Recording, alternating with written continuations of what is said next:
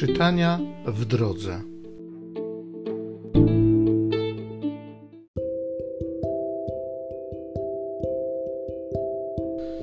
Z księgi powtórzonego prawa. Mojżesz powiedział do ludu: Będziesz słuchał głosu Pana Boga swego, przestrzegając Jego poleceń i postanowień zapisanych w księdze tego prawa. Wrócisz do Pana, Boga swego, z całego swego serca i z całej swej duszy. Polecenie to bowiem, które ja Ci dziś daję, nie przekracza Twych możliwości i nie jest poza Twoim zasięgiem. Nie jest w niebiosach, by można było powiedzieć, któż dla nas wstąpi do nieba i przyniesie je nam, a będziemy słuchać i wypełnimy je. I nie jest za morzem, aby można było powiedzieć, któż dla nas uda się za morze i przyniesie je nam, a będziemy słuchać i wypełnimy je. Słowo to bowiem jest bardzo blisko Ciebie, w Twych ustach i w Twoim sercu, byś je mógł wypełnić.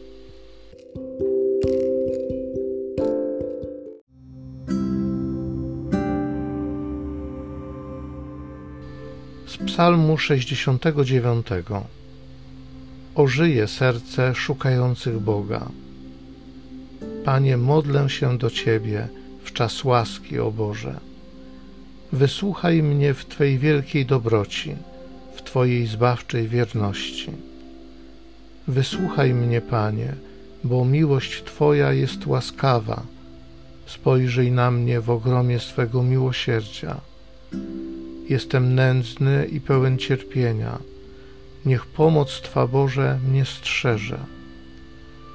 Pieśnią chcę chwalić imię Boga i wielbić Go z dziękczynieniem. Patrzcie i cieszcie się, ubodzy, niech ożyje serce szukających Boga. Bo Pan wysłuchuje biednych i swoimi więźniami nie gardzi. Gdyż Bóg ocali Syjon i miasta Judy zbuduje. Tam będą mieszkać i mieć posiadłości. To będzie dziedzictwem potomstwa sług Jego. Miłujący Jego imię przebywać tam będą. Ożyje serce szukających Boga.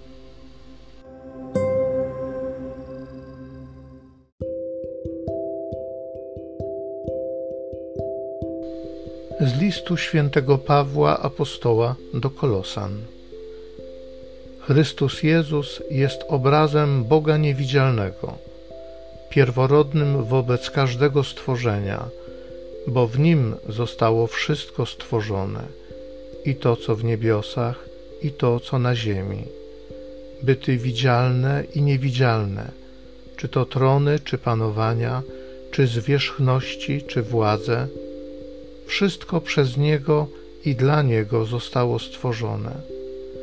On jest przed wszystkim i wszystko w Nim ma istnienie. On jest głową ciała, Kościoła.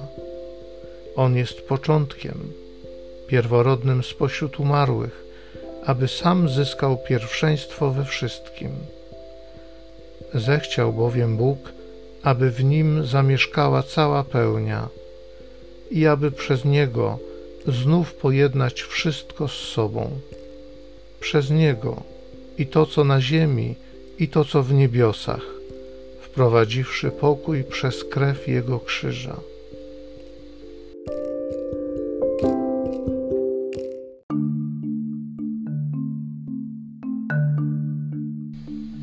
Słowa Twoje, Panie, są duchem i życiem. Ty masz słowa życia wiecznego.